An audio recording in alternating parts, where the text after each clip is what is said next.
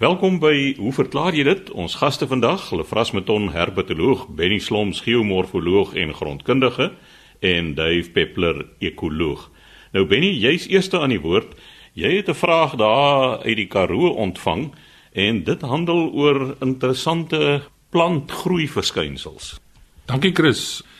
Ek het twee e-posse ontvang wat handel oor plantegroei verskynsels en die eerste een is ingestuur deur Andre de Tooy Hy skryf as volg: So bietjie oos van Holomor is daar 'n snaakse verskynsel in die plante groei in die veld. Die plante groei verander drasties in 'n reguit lyn sonder sigbare tekens van 'n grensdraad. Nou Andre, ek neem aan dat uh, hierdie reguit lyne wat jy waargeneem het in die veld is waar die plante groei meer welig is. Jy meld egter nie hoe breed hierdie stroke is nie. Nou al verklaring wat ek vir jou kan gee oor hierdie horisontale en jy praat ook van vertikale lyne waar langs die plante beter groei is die verskynsel van nate en krake in die onderliggende gesteentes in daardie karoo gesteentes wat daar voorkom. Nou in die dele waar daar geen nate en krake voorkom nie, sit ons met baie vlak gronde op rots. Dit is enigiets van 10 tot 20 cm diep en dan is die rots, die onderliggende rots is moeilik deurdringbaar, amper glad nie deurdringbaar vir die wortels nie. En dit beperk natuurlik die hoogte wat plante groei daar kan bereik en ook die stand. Maar as ons gaan kyk langs die nate en krake, daar kry ons as gevolg van die breek van die gesteentes kry ons diepteverwering, beide fisiese en chemiese verwering. En nou het ons meer volume en diepte waar langs die wortels kan afbeweeg daar's 'n groter bron van water wat daar sal voorkom en dit gee vir jou daardie lyk amper soos 'n lyndraad wat daar gespan is van reguit lyne in die veld met hierdie beter plante groei. Nou die lyndraad sê jy is afwesig daar. Waar daar wel lyndrade voorkom, sien ons natuurlik hierdie plante groei verskynsels tussen die een kamp en die ander kamp baie duidelik op plekke in daardie omgewing waardeur jy gery het. En dit het natuurlik te doen met oorbeweiding en bewaring van jou veld. Ek het daar in die Steytlerwil Jansenwil omgewing gesien op die spekboomveld waar 'n lyndraad welige spekboom van 2 meter hoog skei van absolute kaal grond. En ek het 'n bietjie met Piet Elof gesels. Hy ken daardie wêreld baie goed. En hy sê dis veral bokke, angora bokke en boerbokke wat so 'n veld tot niet kan vreet veral as oorbeweiding plaasvind. Weet die lading is te hoog op daardie veld en dan vat daardie vegetasie in daardie omgewings bitter lank om te herstel. Ek het so 'n paar plekke dopgehou, lyk vir my dit herstel glad nie. Maar ons moet ook onthou dat hier van die middel einde 80s toe die Angora bok bedryf 'n hoogtepunt beleef het en daar verskriklik baie bokke daar in die Ooskaap was. Toe ons 'n droogte gehad So die droogte bo-op hierdie swaar lading van die veld, dit het gelei tot oorbeweiding en waar mens op plekke hierdie drastiese plantverskille gesien na reguit lyn, maar dan is dit kampdraad wat hierdie verskynsel veroorsaak het. Benny, dit is nou nie heeltemal wat jy nou oor praat nie, maar is tog 'n verband. Hierso in Namakwaland hierdie wat hulle is dit heuweltjies of wat noem hulle dit? Ek het nou gehoor dis termiete, maar is dit dalk ook so iets dat dit verskille in die grond is want daar's oor 'n kort afstand drastiese verskille in die in die plante groei wat eintlik dan nou baie dieselfde tipe ding is. Ja, hulle vras, dit is die sogenaamde heuweltjies. Nie sogenaamd, dit is die heuweltjies wat relieke termiethope is wat jy daar sien. En die mooiste is natuurlik tussen Beketberg en Veldrif, soos jy daar links draai net voor Beketberg af kussekant toe dan weerskante van die pad sien jy die mees prominente heuweltjies. En die goed is 30 tot 40 meter in deursnee. Hy het totaal verskillende chemie, dis verskillende gronde wat daar voorkom en ons vind dat in nat jare dan is die koring of die gesaaides bo op die heuweltjies baie weliger en baie hoër as tussen die heuweltjies. Maar in 'n droë jaar dan verdroog hy weer makliker op die heuweltjies want ons sit ook daar met vry kalk op daardie plekke. Maar mens hoef nie net na bewerkte lande te gaan kyk om hierdie heeltjie verskynsels te kry nie. As mens van Kaapstad af ry Stellenbosch toe met die N1 en jy kyk so teen die hange van die Tygerberg heuwels, dan sien jy die groen kolle oral daar teen die middel hang. En die woord Tygerberg, dis natuurlik die Hollandse naam vir 'n tier, 'n tyger, en dit verwys na die kolle op die berg, die tier se kolle wat jy daar sien. En dit is iets wat wyd versprei in die Weskaap voorkom.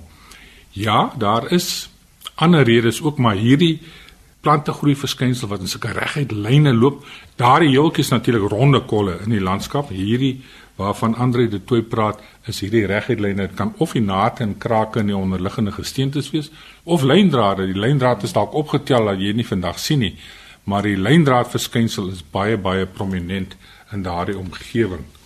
Benny, ek wil net byvoeg daar, jy het nou verwys na die oorbeweiding en veral die bokke. As 'n mens so deur die Karoo ry, dan is dit ook opvallend hoe goed die veld in die padreserwes lyk teenoor net aanderkant in die plaas hoe kaal gevreed die grond daar is.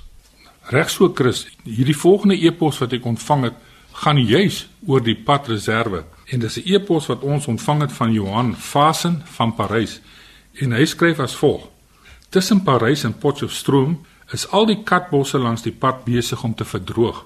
Die res van die veld is lowergroen. Is daar rede daarvoor? Nou hierso Johan, hierso is iets nie reg nie. Dit is nie normaal nie. Soos Chris nou tereg gesê het, kry mense dat in die padreserwe, dit is daardie stuk grond weerskante van die pad wat ingespan is, daar kry jy meer welige plante groei as gevolg van die afloop van die pad in die water versamel aan die teen die kante en jy kry beter groei. Luisteraars sal al gesien het van die sekondêre paaie onmiddellik langs die pad kry jy dat die gras welig staan en hoog staan eintlik so 'n muur vorm waardeur jy ry. Maar jy skryf Johan dat die katbosse vrek hierso in die padreserwe en die res makkeer niks in die veld verder aan nie. Nou ek het net een verklaring vir wat hier aangaan en dit is dat daardie katbosse is doodgemaak. Hulle is aan die vrek, hulle is aan die doodgaan.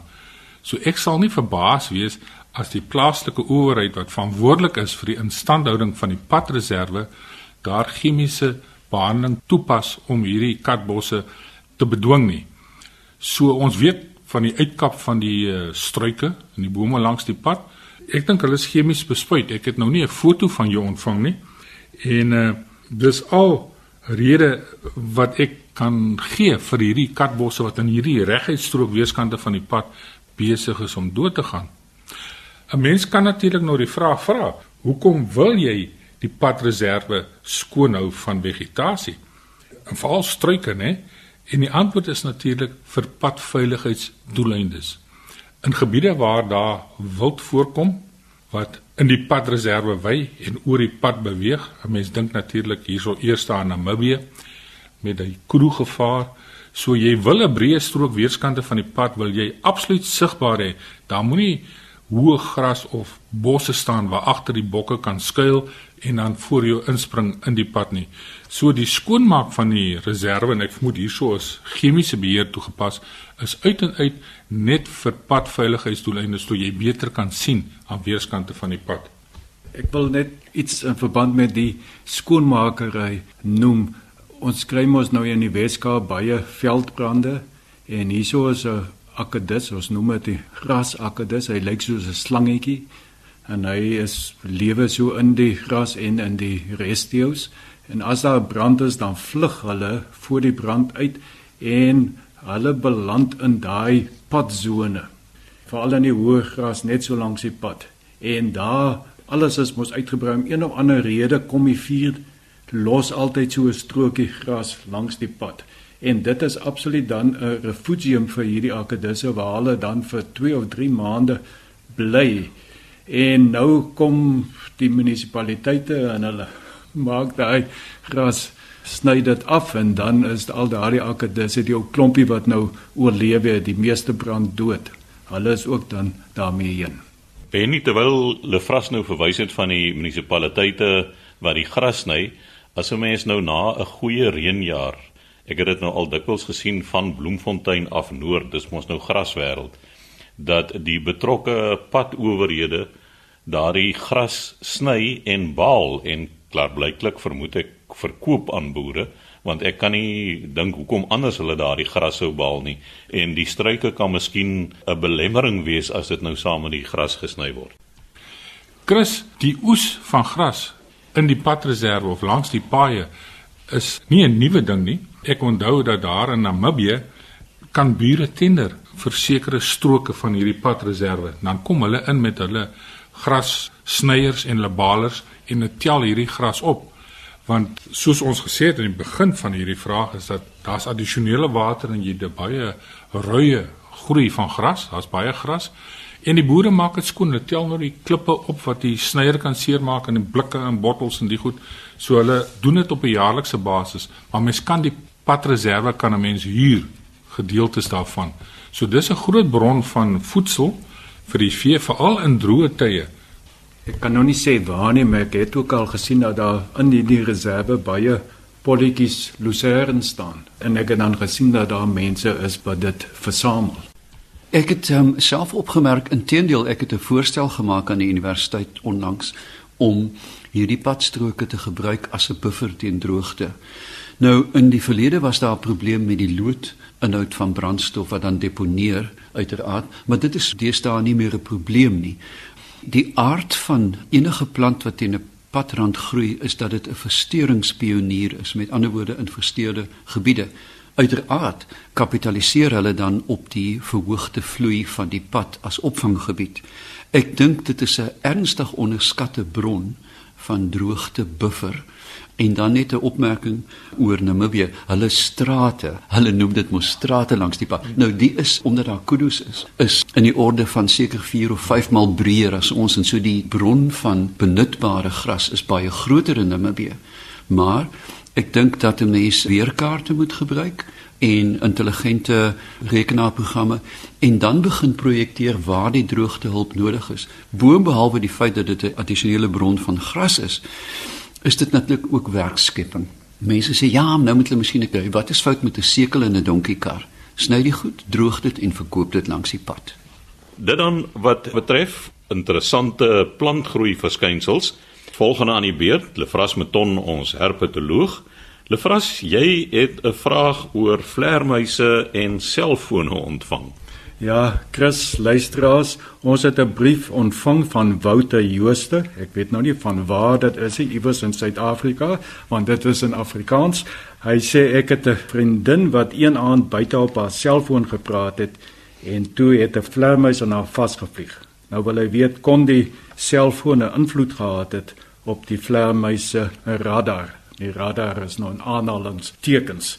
Nou ja, hy noem dit nou radar. Ons weet radar is natuurlik dit word veral in die weermag gebruik en ook by lughawens. Dit is radiogolwe wat uitgestuur word en dan weer kaats dit veral op metaaloppervlaktes en dan weer terug weer kaats na die sender toe en dan kan hulle nou allerlei afleidings maak. Nou by vleermuise kry ons natuurlik echolokasie. Dit werk op 'n soortgelyke manier, maar dit is nou nie radiogolwe nie, dit is klankgolwe wat uitgestuur word. Dit is nie net by vleermuise nie, ons weet ook by dolfyne en sekere walvisse en by die skeerbekke, duif, klein soogdiertjies, hulle het ook 'n meer primitiewe metode van echolokasie.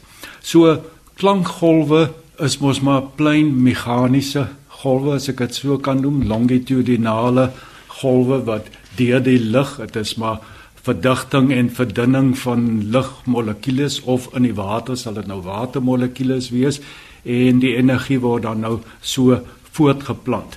So ja, mens kan jou nie indink dat selfone enigsins 'n effek op gewone klankgolwe kan hê nie. Indien dit so sou wees, sou ons maar gesukkel het om self 'n gesprek te voer op 'n selfoon of om televisie te kyk want daar gaan die hele tyd steurnisse wees wat die klankgolwe beïnvloed. So nee, ek glo nie die selfoon het enigsins 'n probleem hierso veroorsaak nie. Die vraag dan nou is nou maar, hoekom het die vleermuis nou in sy vriendin vasgevlieg? Nou daar kan verskeie redes daarvoor wees.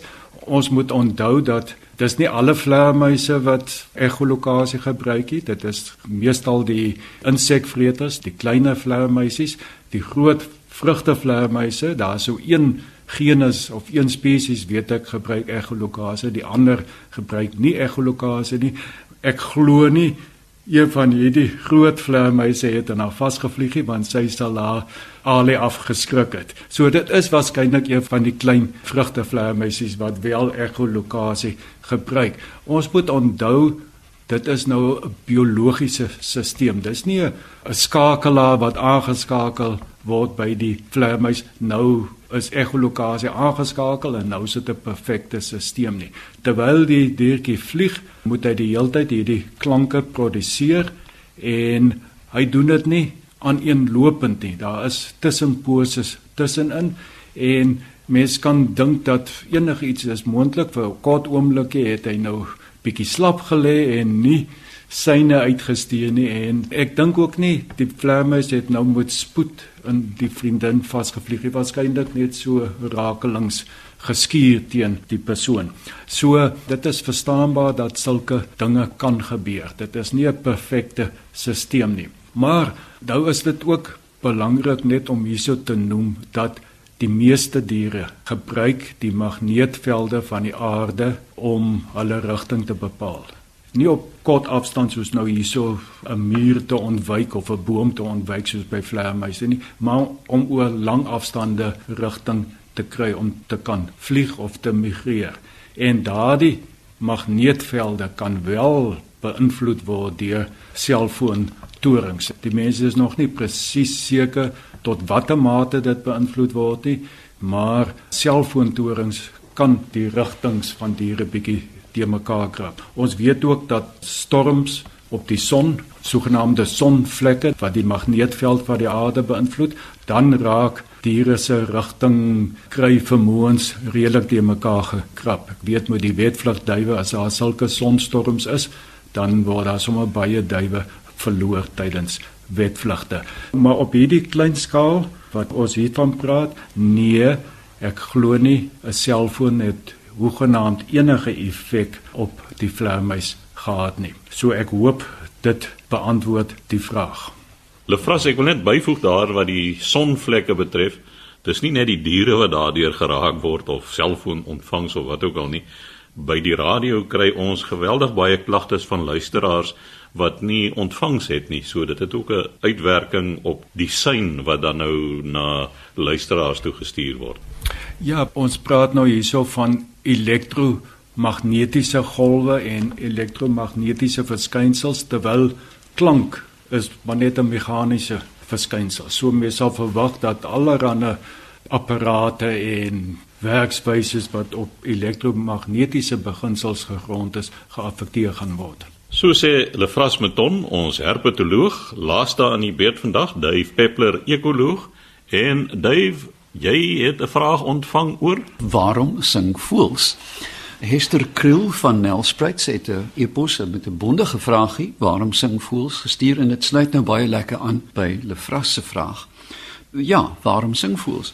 Ek dink dat ons by bykans alle diere 'n mate van kommunikasie. Daar's baie primitiewe organismes wat eenvoudig nou net probleme vermy in hulle omgewing, veral akwatiese diere, maar meeste terrestriële diere, ook visse, gebruik dan 'n aantal kommunikasiebande om met mekaar te kommunikeer. Nou, die eerste daarvan na die vraag is natuurlik klank. Nou ons is geneig om klank te beskou as mense by die beskikbare frekwensie waar ons dit kan waarneem en dit by 'n baie jong mens wat uh, nog nie gejag het nie en nie 'n harde musiek geluister het nie is om en by 20 Hz tot 20000 Hz. Dit is die beskikbare frekwensie vir die menslike oor.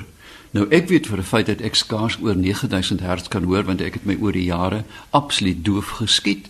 Ek het nooit behoorlike beskerming gedra nie en dit is toenemend 'n probleem by jong mense wat gewoonlik nou met baie harde oorfoonmusiek luister as ook klubmusiek wat nie gereguleer is nie. Ons meet gewoonlik dan verkeerdelik die vermoë van organismes om te kommunikeer na die band wat vir ons beskikbaar is. Maar nou moet ons weet, soos Lefras net gesê dat vlermuise kommunikeer ver bo die 20000 Hz.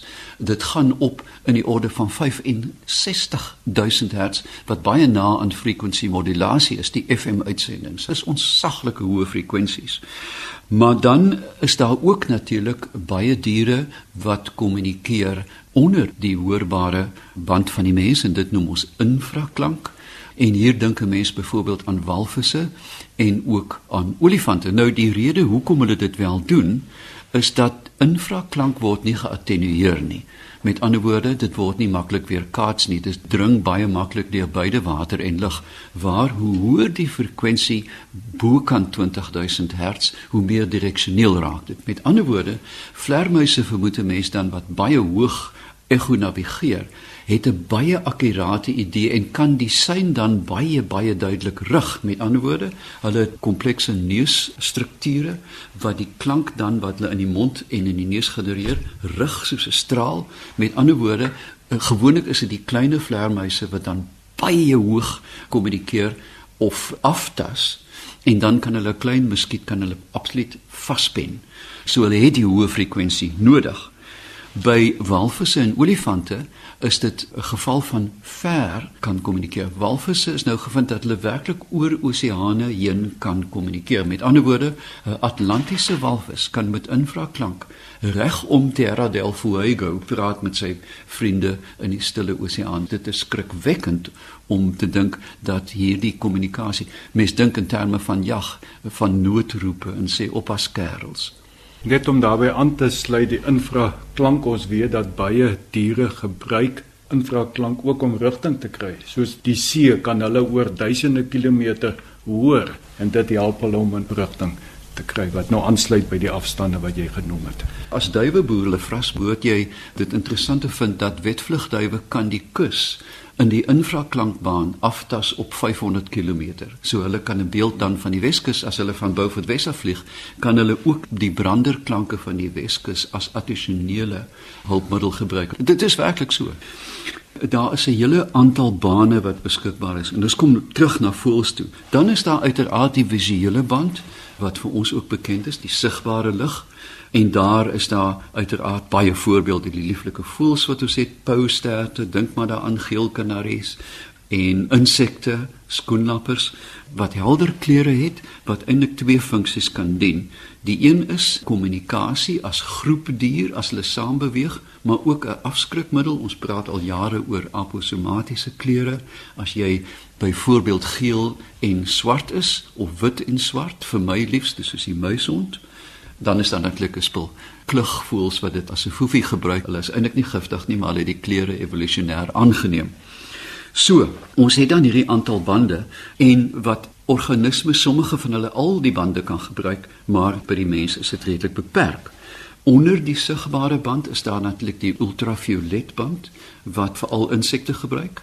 En mens weet van op die Weskus van blomme met bane wat aandui waar 'n insek die nektar kan vind maar dan ook broeikleure van voëls en 'n mens vind dit spesifiek by die gewone Spiro Sturnus vulgaris dat in die broeityd ontwikkel die mannetjie skouer en borsvlekke wat floriseer in die infravioletband. En ons kan dit baie maklik eksperimenteel bewys as jy 'n eenvoudige sonmiddel, sonbekleemiddel op sy bors sit, kyk gaan wyfie na hom nie, want dit absorbeer dan die ultraviolet. So, daar is hierdie subtiele bane wat diere dan kan gebruik om te kommunikeer.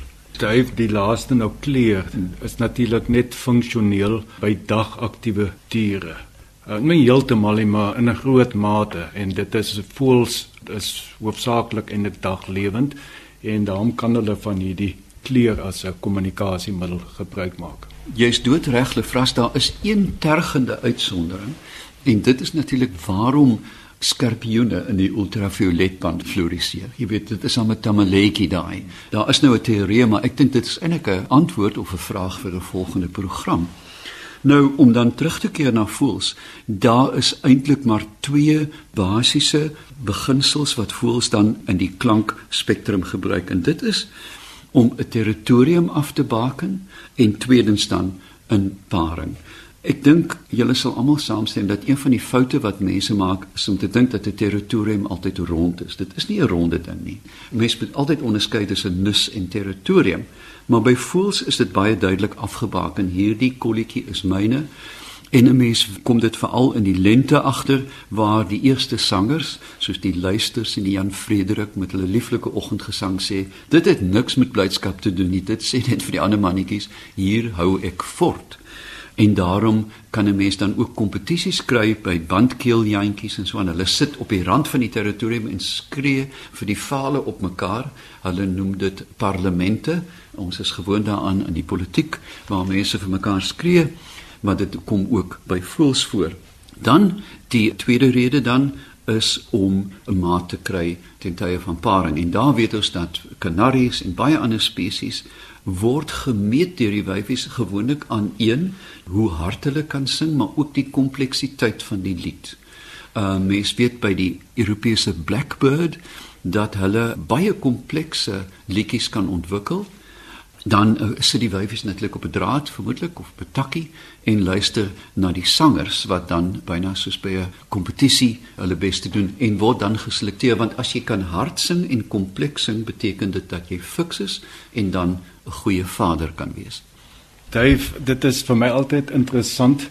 Soogdiere en reptiele en so meer maak van chemiese kommunikasie gebruik en voels het nie chemiese kommunikasie hulle speel nie 'n groot rol nie en dit waarskynlik iets met vlug te doen. Absoluut, Lefras het tyd laat eenvoudig nie toe dat ons al die bane kan verken. Die chemiese baan is jy weet eintlik 'n hele program werd by alle spesies chemiese kommunikasie. Maar ek het my nou maar probeer beperk by die opsigtelike en die hoorbare en ek hoop uh, Hester dat dit jou vraag beantwoord. So sê Dave Peppler, ons ekoloog, Die tyd het ons ongelukkig ingehaal. Skryf gerus aan hoe verklaar jy dit? Posbus 2551 Kaapstad 8000 of stuur 'n e-pos aan chris@rsg.co.za.